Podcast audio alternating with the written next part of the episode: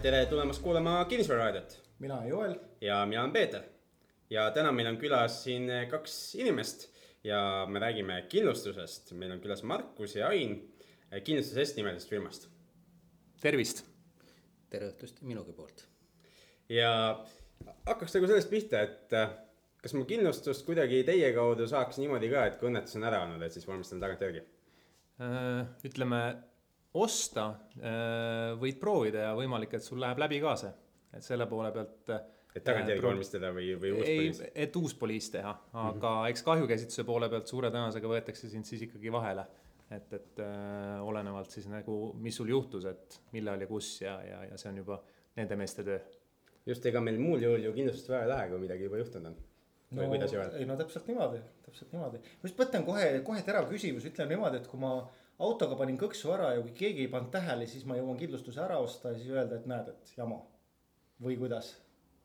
noh, seal on see, et, et kui me räägime, ütleme autokindlustuse poole pealt, siis jah, seal on, kui sul kindlustust siiamaani ei olnud, siis kui sa lähed seda kindlustust tegema, et siis kaskokindlustuse poole pealt tuleb teha pildid mm. -hmm. et, et, et piltide tegemisel sa jääd suure tõenäosusega siis vahele okei okay,, ehk siis kui ma olin õnnetuses niimoodi, et ei olnud kedagi teist, ütleme, sõitsin, ma ei tea, posti otsa eks ole, siis ma võin teha kindlustuse ja siis lähen teen pildid seal posti juures, et näed, et. ei, ütleme pild, pildid ise, sinu pildid nagu ei loe, et tegelikult kui sa lähed siis kas kindlustusseltsi või tuled kindlustusmaaklerisse, näiteks meie juurde, siis äh, seltsi või maakleri töötaja tegelikult äh, on kohustatud ära tegema need pildid mm -hmm. ja, ja, ja seal tuleb see asi siis välja okay., kahjuks okei. Okay okei okay,, aga räägime nüüd kindlustusest nagu õige, õige nurga alt ka, ma hakkasin kohe pihta, et kuidas saaks väikse kindlustuspettuse kokku panna. aga, aga räägiksid üldpõhimõtetest, et mida, mida see kindlustus üldse tähendab? noh, põhimõtteliselt äh, kui nagu kaugemalt pihta hakata, siis äh, ütleme, kindlustuse üldpõhimõte on see, et, et äh, kui sul midagi juhtub, sa kindlustad tegelikult üldse selle jaoks, et äh, et kui sul midagi juhtub, siis taastatakse nii-öelda kindlustuseelne olukord et see on selline. paremaks ei saa, et äh, enne oli vana maja, nüüd saaks uue maja asemele tähendab, üldiselt paremaks äh, väga ei taheta teha, aga samas loomulikult, kui sul on, äh, kui sul on viis aastat vana maja, siis ega ja ega nad, ehitajad sulle seda viis aastat vana maja reaalselt asemele ei tee, nad teevad ikkagi ehitavad uue. majas, elavad viis aastat sees ja annavad üle. jah, jah, jah, et see jääb ikkagi nagu nii-öelda mõistuse piiresse. aga kümme aastat vana auto ja uue vastu vahetada Äh, ka ei saa, äh, auto saad uue vastu vahetada siis esimesel aastal, ehk siis kui sul on, siis on nagu, kui sul on võetud see uus äh, väärtuskindlustus on see eraldi nii-öelda kate uue auto puhul, siis jah, esimesel aastal ka näiteks noh, üheteistkümnendal kuul, kui sul seal läheb see asi maakandmisele, siis auto mm, -hmm. siis, siis on see põhimõte, et vana vastu uus. aga kui ta on vanem, siis, siis kahjuks jah, mitte. aga see nii-öelda see kindlustusjuhtumi eelse olukorra taastamine, ütleme näiteks maja puhul. kas see siis, kui kindlustuslepingut sõlmitakse, siis määratakse selle väärtus ja see on siis see nii-öelda, mille järgi arvestatakse või kuidas see võetakse?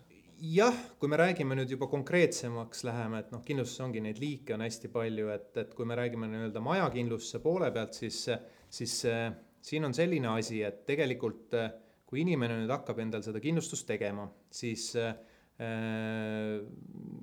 teeb seda, seda siis ise kuskil netis, tänasel, tänasel päeval võib seda ka teha või siis läheb seltsi maaklerisse, et siis ta äh, määrab sinna ära, et, et milline see nii-öelda taastamisväärtus on maja puhul mm. -hmm. ja, ja kui ta ise seda ei tea, et seda on tegelikult päris raske määrata, et sõltubki tegelikult materjalidest, äh, hoone objekti vanusest, ruutmeetritest, sellistest asjadest, siis siis äh, sul ongi vaja sellist nii-öelda nõuandjat, kes, kes äh, sulle selles osas nõu annab mm. -hmm. et, et äh, kui palju üks või teine asi siis nii-öelda maksta võiks.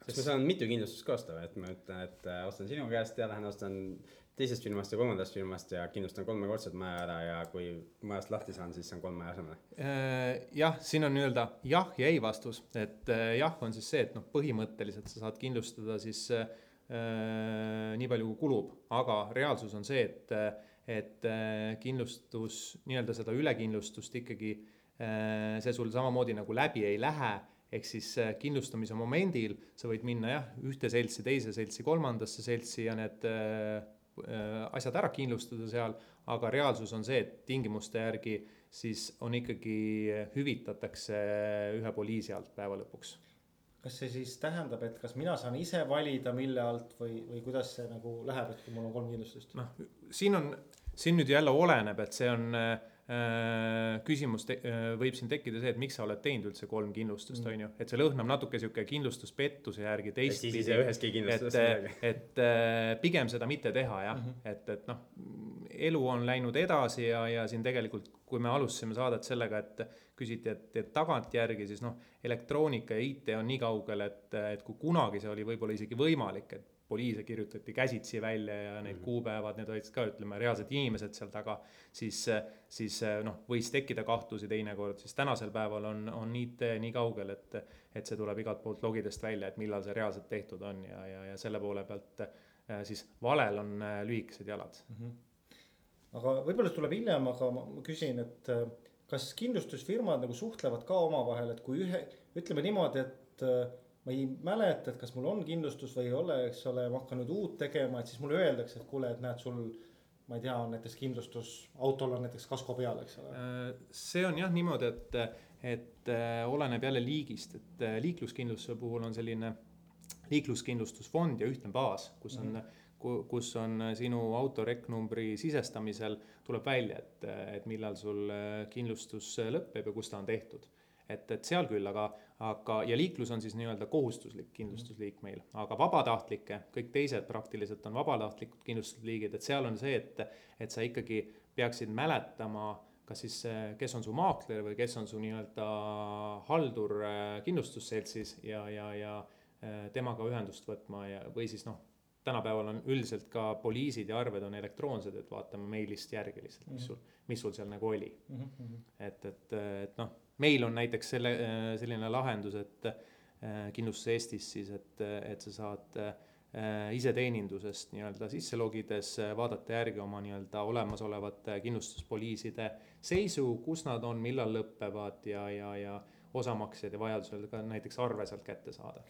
täpsustan veel, kindlustus Est, kas tema kindlustab ise või vahendab teiste kindlustuse teenuseid mm? -hmm. väga hea küsimus, sest selle koha pealt on alati selliseid, selliseid arusaamatusi, inimesed noh, täpselt ei tea, et, et võib-olla siis alustan kaugemalt, et äh, ütleme, kindlustuses ongi nagu nii-öelda kahte sorti, kindlustustegevuse seadus ka nagu äh, käsitleb, on kahte sorti tegelasi, et on äh, kindlustusseltsid ja, ja, ja kindlustusseltsi töötaja on siis ütleme, kindlustusagent ja, ja kes siis esindab seltsi ja siis on kindlustusmaaklerid ja, ja maaklerid siis seaduse järgi esit-, esindavad äh, nii-öelda klienti ehk siis klin-, äh, kindlustusvõtjat, et siin on see selline nagu suur, suur erinevus selles osas. no mis see vahe seal siis on et...? Äh, vahe ongi selles, et, et kui sa lähed äh,, kui sa lähed, ütleme, sul on kodukindlustust vaja ja sa lähed noh, kindlustusseltsi üks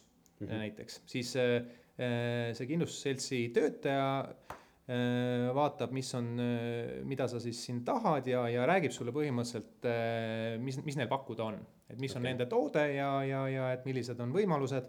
nüüd, kui sa tuled kindlustusmaaklerisse, siis äh, kindlustusmaakler on selles suhtes kindlustusvahendaja, aga seaduse järgi ta on äh, sinu esindaja, ehk siis ta vaatab sinu vajadusest lähtuvalt Äh, ja selle järgi teeb sulle pakkumised, et, et. Äh, et kui kindlustusfirma annab mulle seda, mis neil pakkuda on, siis, siis sina me, lähed ja otsid mu. mina, mina võt-, meie võtame siis jah, ütleme turu pealt äh, kõikidest oleneb nüüd liigist, aga ütleme, kui me räägime jah, selline ela-, enamlevinud kaskod, kodud, et kõikid, kõikvõimalikest nii-öelda seltsidest pakkumised ja toome nad sulle välja eh, hinna ja tingimuste võrdluses. et noh, tingimused tegelikult on oluliselt isegi tähtsamad kohal siin ja kolmas asi, mis on siin äh, tegelikult noh, kriitilise tähtsusega äh, lisaks hinnale ja tingimustele, on äh, kahjukäsitluse pool.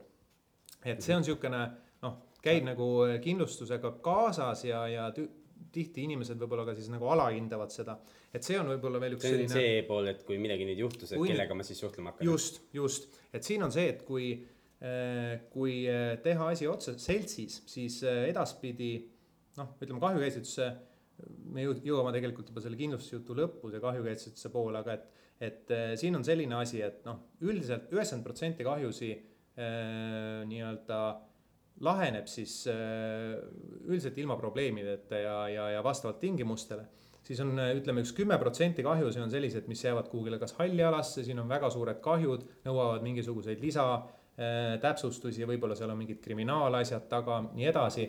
et siis siin on see koht, kus, kus ka nii-öelda kindlustusmaakler kliendi esindajana äh, saab kliendile nii-öelda nõu anda ja suunata teda. Ja, ja, ja esindada teda ka nii-öelda kindlustusseltsi äh, vastu selles osas et, et kui kindlustusseltsi kahjukäsitleja noh, anna, ütleme siis äh, pakub välja mingisuguseid lahendusi ja me teame oma praktikale tuginedes, et see on nagu, ei ole päris nagu see, mida, mis, mis klienti rahuldaks, siis, siis siin on nagu selline koht, kus me saame tõsist tuge pakkuda. et kui see, kui aga see teed... tugi on nagu sa mõtled nagu hoiad mul kätt või, või, või nagu milles see tugi seisneb? see on pigem see, et, et äh, me saame sind, äh, põhimõtteliselt me anname sulle nõu, et mida edasi teha mm, -hmm. et, et kui sul on, kui sa. aga neid erimeelsusi vist on vähem ka, kui ma olen nagu läbi sinu aastad, nii palju, kui ma olen aru saanud, et, et siis sellepärast, et sa oled nagu suur klient, eks ju, kindlustusfirma jaoks ja ta vist päris ei taha, et sa üldse teda portfellist välja viskaks see, no ütleme nii ja naa, et seal on oleneb ka sellest põhjusest natuke, eks ju, et noh, ega, ega meie ka musta-valgeks rääkida ei saa. et kui mm -hmm. äh, kindlustuspoliisil on, on äh, nii-öelda kirjas, et millised on need riskid ja, ja juhtum kui ta läheb sinna alla, kui ta ikka tõesti ei lähe sinna alla mm, -hmm. siis ega, ega siis me ka midagi teha ei saa. aga halli jala peal need asjad nagu võivad jah, ongi selline, see kümme protsenti, seal on tihti selliseid halli jala asju, pluss on see, et ega kahjukäsitluses on ka ju meil ikkagi tööl inimesed mm. -hmm. ja inimesed teinekord äh, võivad ka eksida või, või siis asju ka näiteks mitmeti mõista või, või, või käsitleda, eks ju, et see on selline koht ja noh, seal me saame kliendile nõu anda äh, kuni selleni välja, et noh kindlustuse poole pealt on selline kindlustuse vahekohus on tehtud, et kas me, kas me teeme ettepaneku, et jah, et mõistlik oleks näiteks sinna minna või siis, või siis ütleme, kui me ikkagi näeme, et kliendil on õigus ja talle on liiga tehtud, siis, siis teeme ettepaneku nii-öelda advokaadi juurde selle asjaga edasi minna. aga see on nüüd juba eraldi deal ja ka eraldi ütleme tasude eest, et see enam mm. ütleme, kui, kui me räägime juba advokaadist, siis see. aga poliisi valimisel ma nagu, kui ma noh, kuulan su juttu ja, ja mm -hmm. mul väike kogemus on ka teiega, eks ju. et siis, et teete tegelikult päris palju tööd ära, et kes sellest maksab äh,? väga hea küsimus, Peeter. et, et sellega on nüüd niimoodi, et, et võib-olla ma siis jah, täpsustan natuke, et see äh, kindlustusmaakler versus näiteks kinnisvaramaakler, et mm. -hmm.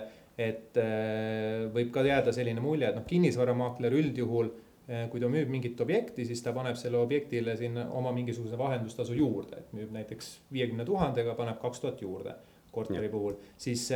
või siis omanik saab kaks tuhat vähem, eks ju noh. jah, jah, jah, siis äh, kindlustusmaaklerile äh,, kindlustusmaaklerile Äh, ütleme, kui sinu poliis, noh, kodukindlustuse äh, poliis maksab seal näiteks äh, viiskümmend eurot, siis selle sees on juba kindlustusmaakleri vahendustasu, noh, näiteks viisteist protsenti aga kui ma lähen otse maksab, kindlustusfirmasse, siis ma saan odavamalt selle poliisi. see, see on täpselt sama, ütleme, poliis maksab viiskümmend euri, tulles nii-öelda meie juurde.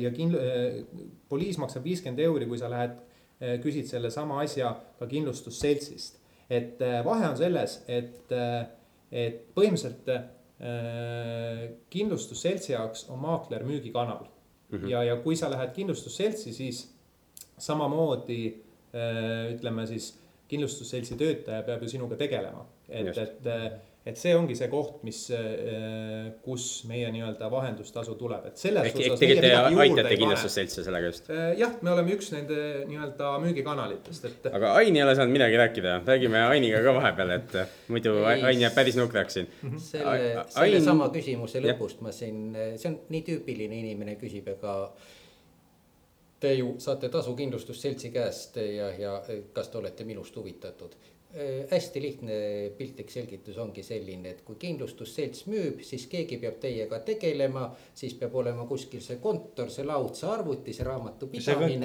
see on kulu, selle osa kulust see selts annab lihtsalt meile, teile -hmm. liiga ei tehta, hind on täpselt sama mm. -hmm selles rollis me oleme nagu kindlustusseltsil abiks mm, -hmm. aga nõuandjana seaduse järgi me oleme kindlustusvõtja esindajad, tema advokaadid. meie vaatame, mis need seltsid siis pakuvad, mis mm -hmm. tingimustel, kuidas mm -hmm. ja mis oleks teile okay. parem.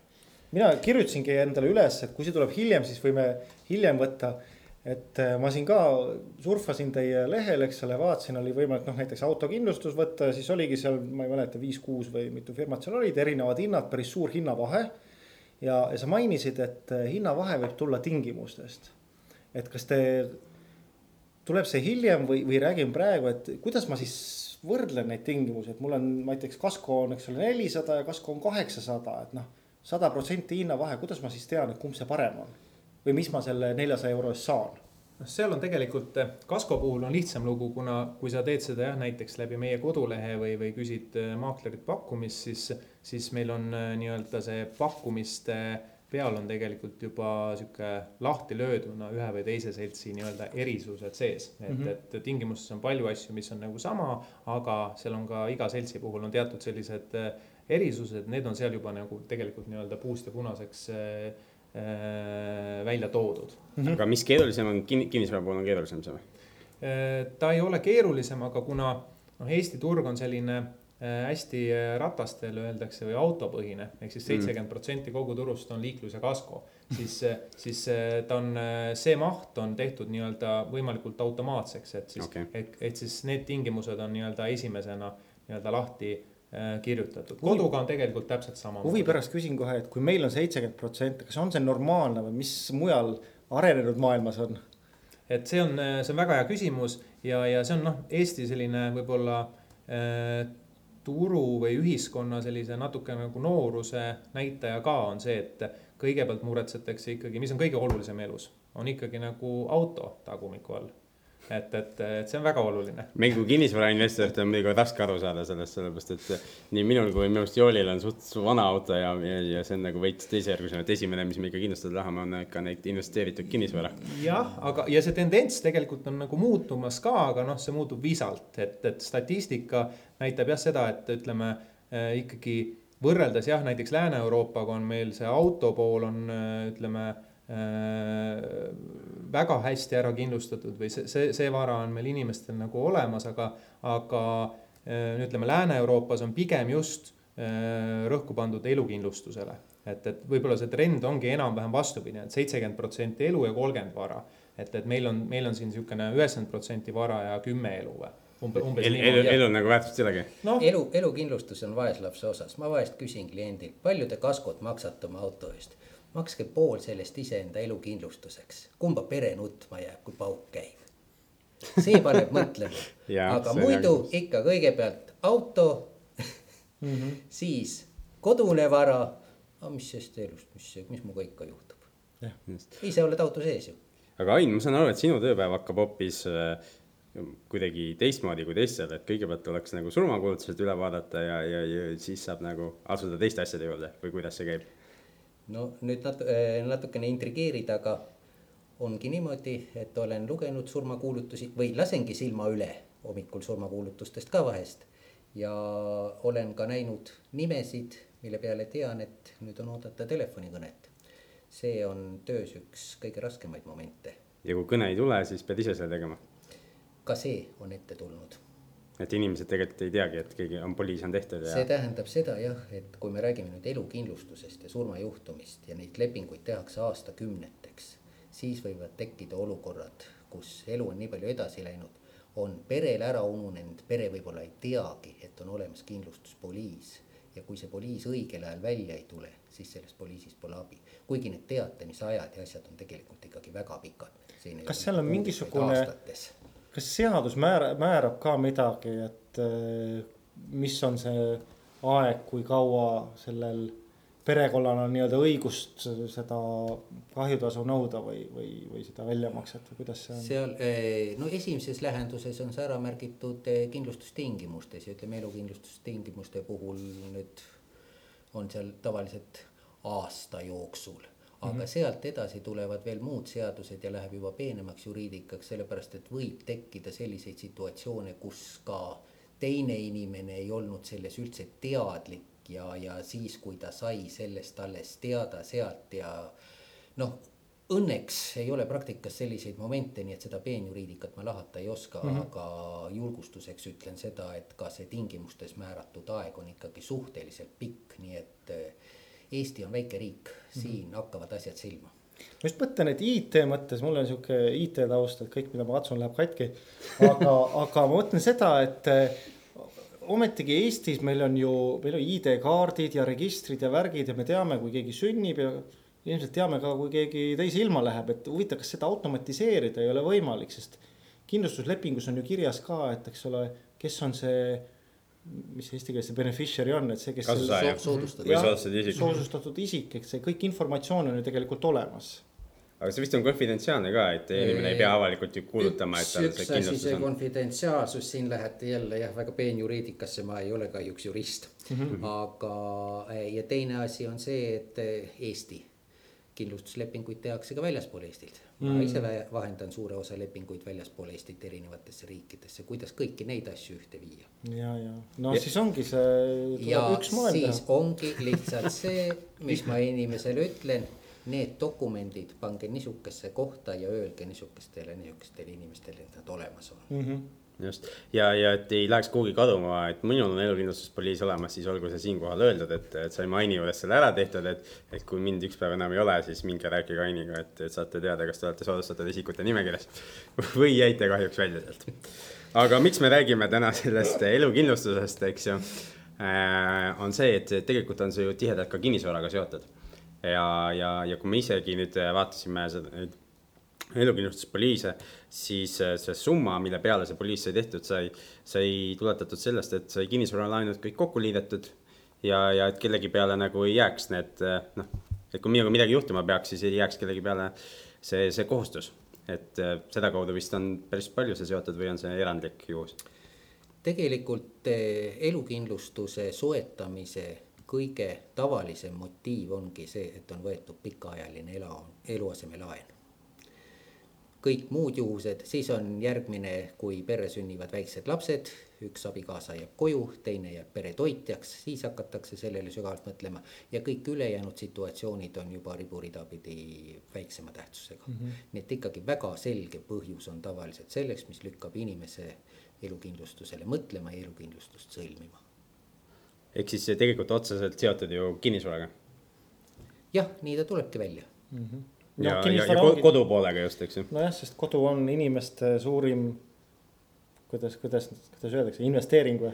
kohustus okei et see sõltub, kuidas vaadata, et siin on filosoofiliselt erinevaid vaateid, eks ju, kellel suurim vara, kellel suurim kohustus, eks ju aga mida seal kindlustada saab üldse, et üks asi on see, et on nagu suurem, aga, aga kui ma ise ka, Ain, eks ju, sinu juurde tulin, siis, siis sa ütlesid, et oli kergendus, et me kohe alustasime juttu sellest, et kuule, okei okay,, surm surmaks, eks ju, räägime parem sellest, mis, kuidas me invaliidsuse saame ära kindlustada, et see tundub nagu palju hullem kui surm jah, siin on niisugune paradoks, et kui hakkad inimesega vestlema või, või ta helistab, küsib, siis räägitakse kohe surmajuhtumist. aga tegelikult võib eh, tekkida veel mitmeid erinevaid olukordi. ja surmajuhtumiga võrreldes, nii küüniliselt kui see ka ei kõla, on hoopis traagilisem tõsine invaliidsus. see on siis sellel puhul, kui sa. jääb voodi, voodisse pikali või ratastooli ja mitte aastateks, vaid võib-olla isegi aastakümneteks. kohustusi keegi sellega ära ei võta mm -hmm. invaliidsuspensioni suurust me Eestis teame või õigemini ei tea, sest see on nii väike. ei tea, see on nii väike. mina ka ei tea jah. jah, täpselt aga lisaks kohustustele tuleb perel nüüd üleval pidada ka see invaliidist inimene, see toob mm -hmm. täiendava kulu mm. -hmm. eks siin mitte ei ole lihtsalt, et inimene on lahkunud, vaid, vaid siin tuleb üks ülalpeetav juurde, eks ju, sellele poolele, kes siis töövõimeliseks jäi. nojah, see võib ju isegi halvimal juhul tähendada, et ta vajab kogu aeg abi, ehk siis enne oli kaks inimest, kes töötasid ja nüüd võib-olla on null, sellepärast et. see võib, see võib olla hullem kui laps, sellepärast et ja. see on võib-olla kakskümmend neli seitse hooldustoja, eks ju. laps vähemalt saab ise hakkama Need mingi on... aja ja lõpuks saab täiesti ise hakkama, eks ju. Need on jah, niisugused situatsioonid ja kui seda mm. -hmm. aga selle kui... saame me panna elukindlustusse jah, invaliidsuse tähendab, sinna on võimalik juurde osta siis erinevaid lisasi ja on ka võimalik osta erinevaid kindlustuskomponente eraldi no kõige mhm. tüüpilisem invaliidsuse all, mida mõeldakse see, et juhtuski õnnetus, noh, seesama auto avarii, eks ole, teame Eesti statistikat mm. -hmm. see käib inimestel esimesena peast läbi. aga eh, seda on lihtne lahendada õnnetusjuhtumi kindlustusega. aga siin on jälle üks koht, mida inimesed tihtipeale segi ajavad. õnnetusjuhtumi kindlustus ei ole elukindlustus see tähendab, et õnnetusjuhtumi kindlustuse alt tulevad hüvitamisele ainult need juhtumid, mis on põhjustatud õnnetusest. kui inimene jääb infarkti või insuldi läbi invaliidiks, püsivalt töövõimetuks või ka mm -hmm. pikalt, pikaks ajaks ja hiljem taastub, siis see ei ole õnnetusjuhtumi kindlustuse juhtum. siis tal peab olema ostetud eh, niisugune kindlustus, kus on sees ka kas siis püsiv täielik töövõimetus või pikaajaline töövõimetus mina jälle õppisin midagi. Need eh, ele-, on erinevad elemendid ja igal elemendil on täpselt oma tähendus ja igal sellel tükil on ka täpselt oma hind. ja see mosaiik tuleb kokku laduda nii, nagu teie situatsioon seda nõuab, siin ei ole, et aga kuidas teil keskmiselt võetakse see on jah, vist inimestel on e-, erinevad riskid, eks ole. millist elu nad elavad, et kui keegi ma ei tea, teeb mingisugust äh, skydive ingut kuskilt, vaid mingist surfamist mägedes. No see on vist täitsa erijuhud veel, eks ju. Need, need on veel eraldi juhtumid, kui ma rääkisin sellest, eh, noh, jälle telefonis küsitakse, no aga keskmiselt, mis siis tehakse, ma ütlen, et noh, kaks meest, mõlemad kolmekümne viie aastased, eks ole ei ole mingisuguseid erilisi riskantseid hobisid kontori, kontoris töötavad, korralikku palka saavad, kuidas kindlustama peaks? Kas teil kohustusi on, seesama eluasemelaen? Mm -hmm. jah, mul on eluasemelaen, mul on naine ühe ja kolmeaastase lapsega kodus, mina olen peretoitja. Te peate kindlustama ära oma elu ja siis sinna juurde need muud asjad kas.... aga teine on vanapoiss. vanemad on heal järjel. ettevõtjad. kui tema ära sureb, siis ei, siis ei ole tegelikult midagi, ainult matuseraha on vaja vähem. elukindlustust ei ole vaja küll aga tekib küsimus, et kui selline inimene invaliidiks jääb, siis tal pole isegi mitte seda lootust, et tal on abikaasa, kes eh, suppilusikaga suu juurde tõstab. -hmm. tal on vaja medõde palgata, järelikult peab olema selle püsiva töövõimetuse ja invaliidsuse kindlustus korralik, see on number üks järjekorras. nii palju siis keskmisest mm. -hmm. kuidas äh kui elu kindlustada, kas vaadatakse inimese tausta ka, et huvitav on see, et kokkusattumus, et. Et äh, minu hea sõber, kellega ma koos õppisin ja bändi tegime koos, äh, siis paar nädalat tagasi helistas ja, ja, ja teatas, et tal on vähk. ja kuna minu taust endal on ka sihuke muusikataust ja nagu kõik teavad, muusikud ei ole kõige tervislikuma eluviisiga, siis. kui kindlustust võetakse, kas uuritakse nagu inimese tausta ka, et mida nad nagu teinud on, tervislik Äh, olukord ja selline ka, kas? elukindlustuse puhul on jah taustainfo tingimata vajalik, elukindlustusleping ikka sõlmitakse inimesega koos, sellega kaasneb küllalt põhjalik terviseküsitlus. kas arsti juurde peab ka minema või ei pea? see sõltub vist, aga küsimustikku ma sain küll täita Aini juures. jah, ja, ja, ja sealt edasi eh, siis jälle kindlustusselts hindab riski. tähendab, mida suurema riski ta võtab, seda põhjalikumalt ta andmeid tahab mm. -hmm. ja nüüd tulebki, mida suuremat kindlustussummat te soovite, seda rohkem ta uurib, alguses ainult küsimustikuga, siis võib saata mingisuguseid analüüse tegema, siis võib küsida küllalt põhjalikke EKG-si ja uuringuid, seal on oma gradatsioon mm. -hmm. ja teiseks, kindlustussumma peab olema ka loogilises seoses inimese elujärjega. me ei saa võtta töötut kuskilt poe tagant ja, ja öelda, et aga hakkame teda saja tuhande euro peale kindlustama mm.. tal ei ole sissetulekuid, see ei ole loogiline. mis sada tuhat, paneme miljoni ära kohe ja ja saadame ta poe juurde tagasi. nii et, eh, nii et taustauuring on sel juhul jah, täiesti okay. nõutav kuni sinnamaani, et eh, on mul ettevõtjaid, kes on esitanud oma ettevõtete finantsandmeid ja asju, sest kindlustussummad on nii suured, et kas ta on omanikuna selliste varade, selliste väärtuste omanik mm -hmm.. okei okay. et kui me, me nüüd tegime neid äh, kindlustuspolüüsideks, siis me täitsime selle küsimustiku ära, eks ju. Meil see ka loogi-, loogiline seos oli, eks ju, meie laenukoormusega. Ja ja, ja lõpuks sa pakkusid erinevaid variante välja, aga me lõpuks jõudsime selleni, et oli mõistlikum väljaspool Eestit kindlustada, et miks see nii on? Noh, Eesti, Eesti meeste suremustabel on oluliselt teine kui Lääne-Euroopas no,. Esi, esimene lihtne põhjus. no aga sina oled ju ikkagi eestlane, see, et sa teed välismaal, see ei muuda seda, et sa oled eestlane. no eh, see näputäis eestlasi, kes minu kaudu välismaale läheb, see ei löö paigast ära Lääne-Euroopa meeste suremustabelit okay.. esimene põhjus kas seal on vahet siis ka, et kus äh, kus koha peal Euroopas tasub teha, ma ei tea, Soomes või Hispaanias või? no siin on küsimus, et kuskohast teid ju- või õigemini meid jutule võetakse okay.. seal on, seal on riigiti need asjad erinevad. väga, väga palju neid variante meil pakkuda ei ole välismaal kindlustamise jaoks. Teil on partnerid olid kus, Inglismaal oli partnerid, üks, eks ju? partnerid on UK-st, aga on eri, erinevad ja on mõningates riikides veel partnereid mm -hmm. erinevate kindlustusliikide jaoks sest, sest eh, nagu me, kui me rääkisime, siis äh, ütlesime see summa, mille peale mina soovisin, eks ju, kindlustust saada. Et see nagu Eesti oludes tundub nagu veits suur, aga, aga siis UK ehk Inglismaa oludes on nagu suht tagasihoidlik number.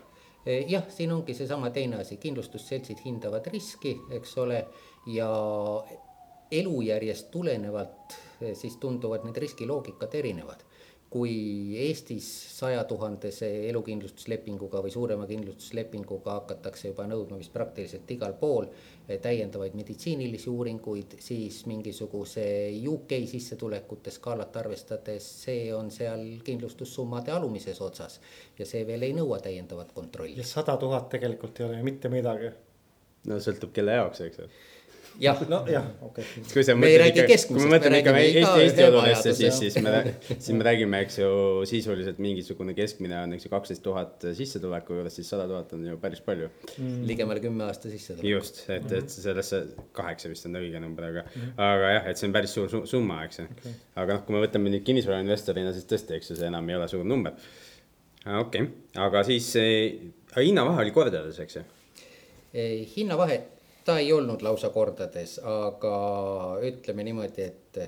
Et ühesõnaga kuuskümmend, kuuskümmend protsenti kohalikust analoogi hinnast oli Tähendab, see hind, mis sa said. odavam jah uh, -huh. jah. mitte kuuskümmend protsenti odavam, vaid nelikümmend odavam, kuus, kuuskümmend sellest. et selles suhtes tasub nagu tulla Ainiga rääkima, et, et kui minna siit ütleme ma ei kujuta ette, et ma ise otse läheks nagu, võtaks siit lennukipileti Ryanairi või, või kes siin veel lendavad, eks ju, lendaks Inglismaale ja astuks kindlustusseltsi sisse, et tere, tulin poliisi tegema. et, et pigem on ikkagi lihtsam siin tulla ja rääkida teiega, eks ju, saab eesti keeles rääkida, saame koos selle ingliskeelse ankeediga hakkama ja. noh, suure tõenäosusega nad ei võta ka üksikisikuna sind selle jutule. tere võite öelda, viisakad inimesed vastavad ka terega, aga kindlustuslepingut nad teile nii lihtsalt ei sõlmi mm,. saadavad kohalikku pubisse kohalikku pubisse okei kas meil on veel midagi, mis me peaks teadma elu, elukindlustuse kohta nüüd, et, et? minul on küsimus, ma ei tea, võib-olla see on üldine küsimus, aga ütleme nüüd niimoodi, et tõesti, et on kindlustatud ära ja oligi õnnetu juhtum, et äh, hakatakse tegema väljamakset või väljamakseid. kuidas on nende maksustamine? kindlustushüvitis, kui see on tehtud nii-öelda iseenda rahaga, siis see on maksuvaba mm. -hmm. sa maksad oma palgast või sissetulekust, maksustatud sissetulekust kindlustuspreemiat, see on maksuvaba. just aga ma saan ettevõtte, ettevõte saab koostama kindlustust, aga siis see on ettevõtte tuludesse läheb kui, see raha pärast. kui ettevõte maksab kindlustuse eest ja kindlustus on tehtud inimese kasuks, siis Eesti seadus käsitleb seda erisoodustusena ja ettevõte peab maksma ka täiendavad riigimaksud. ehk okay. siis tulu ja sotsiaalmaksu, mis on ligi pool summast nagu see on päris crazy. Mhm. okei, et siis see, see ei ole nagu eriti mõistlik variant, parem maksa rohkem palkadele, maksab ise oma poliisi eest no jah, lõpp, lõpptulemus on ju enam-vähem sama. aga see firma saab tegelikult teha ju enda kasuks ka, eks, et kui ta oma töötajaga nüüd midagi ja, juhtub, siis on ka, tuleb on ka selline kindlustuse kategooria olemas, kasutatakse sellist terminit näiteks nagu võtmeisiku kindlustus või key mhm. person mm -hmm. insurance, eks ole. millel sellist täpset ühtset definitsiooni ei olegi, aga põhiidee on selles, et ettevõttel võivad olla inimesed, kellest ettevõtte käekäik see sõltub peaaegu sajaprotsendiliselt. kas kuskil IT-ettevõttes mingisugune programmeerija, kelle peas on mingisugune no kuule, minu väikeettevõte sõltub ka minust sajaprotsendiliselt jupp ja mida keegi teine naljalt ei taasta või, või mingisuguste väga heade kontaktidega müügimees või ja nii edasi. või konkurent. konkurendi kindlustad ära või? kui see inimene rivist välja kukub siis eh, ettevõttele tekib täiesti reaalselt mõõdetav mm. materiaalne kahju mm. -hmm. kindlustus on sõlmitud ettevõtte kasuks, ettevõte saab selle raha, selle rahaga ta saab siis kompenseerida seda kahju. nüüd minul on küsimus, jälle sihuke, vaatan nagu neid varjupooli. kui ettevõte kindlustab nüüd selle võtmeisiku ära, siis võib ju öelda, et temal on motivatsioon.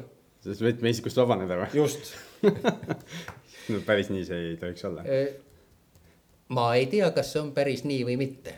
Ma, mõtlen, ma lähenen inimestele positiivse hüpoteesiga, kuid ma olen eh, suhelnud ühe ettevõttega, kus oli juttu sellisest kindlustusviisist ja personaliinimene ütles, et sealt on, seda teemat on varemgi käsitletud ja mõned inimesed arvasid just niisuguse võimaluse olemasolu ja see teema eh, pandi kalevi alla edasi ja arendatud, kindlustus on igaühe isiklik asi mm.. nii et kõik on iseenda peas. just, siin oli mõned aastad tagasi oli mingisugune sporditiim lendas kuhugile Venemaale lennukiga ja seal oli kogu tiim oli peal ja enamus vist neid, neist äh, hukkusid seal. kas on ka selliseid kindlustusi, et ma saan mingi sporditiimi kindlustada ja kuidas siis äh, käitutakse sellisel juhul, kui ongi see suur risk, eks ole, et sul on kõik munad ühes korvis, et kas siis näiteks kindlustuses on mingisugused klauslid, et see ei kehti, eks ole, või peavad nad lendama eraldi või. vähemalt ma tean, et ma olin Nokias olin kunagi tööl ja seal oli niimoodi, et äh, kui oli mingi üritus, siis juhtkond ei saanud lennata samades lennukites, nad pidid eraldi lendama mm. -hmm. jah nüüd ma sellest taustaselgitusest sain aru, kust üldse selline küsimus tuleb, sellepärast et sellist küsimust mulle igapäevases töös naljalt ei esitata mm. küll aga on, e, on jah, reaalselt olemas niisugused siis e, lähenemised asjale. kui nendel sportlastel on omad kindlustuslepingud, igaüks on selle ise sõlminud, siis kindlustusseltsid maksavad välja need hüvitised vastavalt kindlustustingimustele mm. -hmm kui on tegemist sellise meeskonnaga ja teda selleks otseselt kindlustatakse, siis kindlustusselts hindab neid riske teistmoodi ja vastavalt sellele on ka maksed mm. -hmm. ja on tõesti olemas eh, suurtes firmades, just nimelt rahvusvahelistes, esiteks, et sealt peetakse loomulikuks, et teatud tippinimesed on kindlustatud firma poolt ja samas kindlustusseltsid näevad seal kumulatiivse riski tekkimise võimalust, need inimesed on korraga ühes lennukis, ühes laevas ja siis võiva, võidakse kehtestada täiendavaid reegleid, mis nõuavadki seda, et ei lenda ühe reisiga, ei lähe ühe laevaga üle mere sõitma ja muud taolised asjad mm. -hmm. täpselt, minul praktikat ei ole, aga Need mõeldud. asjad on olemas, nende peale on mõeldud mm -hmm. ja kui selline situatsioon tuleb, siis hakkame seltsiga vormistama, küll selts teab ja küsib täiendavat infot ja sätib oma piiranguid ja siis vaatame, kas saame kaubale või mitte selle elukindlustuse teema võib-olla natuke nagu kokkuvõttes, et, et äh, ma vaatasin ka mitme nõudekaarti ja küsisin nagu, et kas ma saaks seda ettevõtte kuludesse panna, sest noh, kõik, mis vähegi sobib sinna, võiks alati ettevõtte kuludesse sattuda. aga lõpuks see otsus sai just, kui me Ainiga arutasime ka, sai tehtud niimoodi, et me ikkagi maksime eraisikuna selle poliisi eest, et, et see, kui see kurb sündmus peaks saabuma, et see hüvitis oleks siis ikkagi eraisiku tulu ja et oleks maksuvaba et, et ei tekiks seda erisoodustuse olukorda seal. et see võimalik maksukahju on nagu palju suurem kui see, see kas siis dividendina või palgana endale välja maksta see raha, mis poliisi maksmiseks äh, läheb. vähemalt see ja, oli minu järeldus seal. jah, siin peab vaatama seda asja täpselt niimoodi, et kindlustusmakse on, ütleme, mõnisada eurot ja selle peale siis sotsmaks, tulumaks on küll teatud koormus, aga need ei ole hiiglaslikud summad aga teistpidi, kui on vormistatud algul firma kasuks see leping ja siis tahetakse perele maksta, tuleb ikkagi sada tuhat eurot perele välja maksta, pange sinna erisoodustusmaksed peale no pool saab väga riigile. valus. ma arvan, et väike kohalik omavalitsus oleks päris appi. nii et eh, jah, me, me jõudsime ühiselt ja ma arvan, et ka järgmiste klientidega, kes küsivad nõu, jõuame samale järeldusele mm. -hmm. kuidas on kindlustuste puhul lugu käibemaksuga? Elukindlustust see teema ei puuduta küll, aga on tegemist kahjukindlustuse valdkonnas sellega. jah, vara poole peal on, on äh, see tegelikult väga aktuaalne teema ja ka üks selline asi, mida peaks kindlasti alati küsima või ära märkima, on see, et kas sa kindlustad oma vara, noh, ütleme siis auto või, või, või ettevõtte puhul ka, ka näiteks äh, hoone käibemaksuga või ilma käibemaksuta. ehk siis äh, ja see sõltub tegelikult sellest, et kas sa oled käibemaksukohuslane või sa ei ole käibemaksukohuslane mm. -hmm. et, et äh, kui sa oled, põhimõtteliselt, kui sa oled käibemaksukohuslane, siis sa kindlustad ilma käibemaksuta ja kui sa oled äh,, ei ole, siis sa kindlustad äh, koos käibemaksuga mm. -hmm. aga kindlustusmaksed ise on, eks ju, käibemaksuvabad kindlustusteenus on käibemaksuvaba teenus täiesti mm. -hmm. ehk siis arvel. seaduses eraldi. ehk sa ei saa firmana seda käibemaksu maha arvestada, sest seda käibemaksu ei ole. aga sa sellepärast küsisid, et saaks käibemaksu tagasi saada no ikka noh, muidugi see on ju esimene küsimus Eestis. ja, ja kuidas saaks käibemaksu, ei seal poliisimaksul ei ole käibemaksu, nii et see, seda efekti sealt mm, -hmm. sealt küll kuidagi, kuidagi tekkida ei saa. okei okay,, aga miks me alustasime elukindlustust on just see, et see on nihuke tegelikult kõige-kõige olulisem, eks ju, nagu, nagu me saime teada, et läänemaailm on sellest ammu aru saanud ja, ja meil siin kohapeal võtab nagu veel aega, et sellest, sellest aru saada. et eh, kuidas me Ainiga, Ainiga ühendust saame, et me tegime niisuguse lihtsa maili aadressi teile, et saate Ainile kõik kirjutada ja, ja, ja sealt alustada seda, Ain helistab teile tagasi või, või kirjutab tagasi. ja see aadress on kindlustus at kinnisvararaadio.ee et praegu te olete Kinnisvara raadio kodulehel, kus te selle, seda saadet kuulate, et lihtsalt kasutage maili aadressi kindlustus at kin-, kinnisvararaadio.ee ja siis äh, kindlustuse Eesti inimesed juba teavad, et, et te kuulasite seda saadet, nad juba teavad, mida te teate ja, ja mida peab siis hakkama üle rääkima. et kõigil elu natuke lihtsam ja, ja natuke, natuke kiirem ja ärge siis kartke surmast rääkida, Ain on selleks igati ette valmistatud, igapäevaselt on kogemus. nagu te ise kuulsite ka, ta on niisugune väga rahulik inimene ja, ja räägib teiega, teiega rahulikult, et pigem on teie enda peas probleem, kui teil surmaga nagu mingi probleem on. et Aini taha see kindlasti ei jää. no pika, pikaajaline treening on mind päris paksunahaliseks. Ain, kaua sa oled teinud seda tööd? Ma olen kindlustusmaaklerina tegutsenud üheksakümne seitsmendast aastast, tegutsema hakkasin enne, kui Eestis üldse võeti vastu seadusepunkt, mis käsitles, kes on kindlustusmaakler. sest mu esimesed kontaktid kindlustuse valal olid kohe väljaspoolt Eestit. nii et see kogemus on päris pikk ja mõni, paar aastat enne seda tegelesin kindlustusega Eesti sa oled näinud igasugu aegu?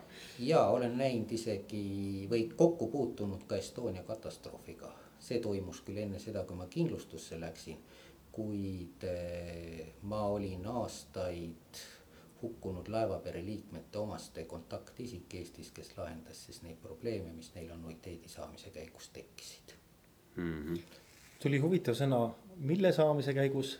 annuiteedi tähendab, eh, seal määrati laevapere liikmete omastele regulaarsed toetused, mitte ei makstud kindlustussummat korraga välja.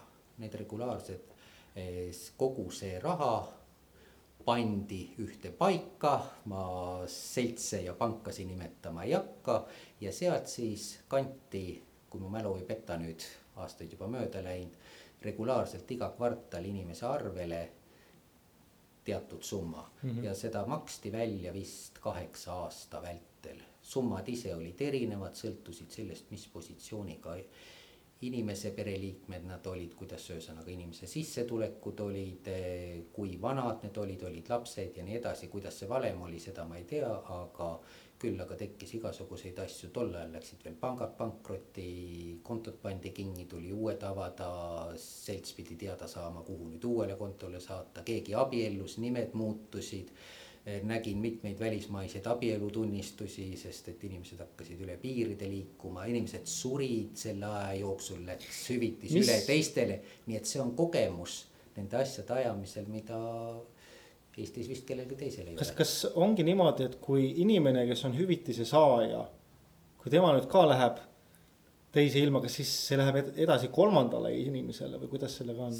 Äh, siin on nüüd, äh, kui see hüvitis juba käib väljamaksmisel, siis reeglina on niimoodi, et sealt läheb edasi pärimisse mm. -hmm. aga näiteks niisugune situatsioon äh, kindlustuslepingu sõlmimisel, abikaasa üks abikaasa sõlmib lepingu, paneb sada protsenti hüvitise saajaks teise abikaasa.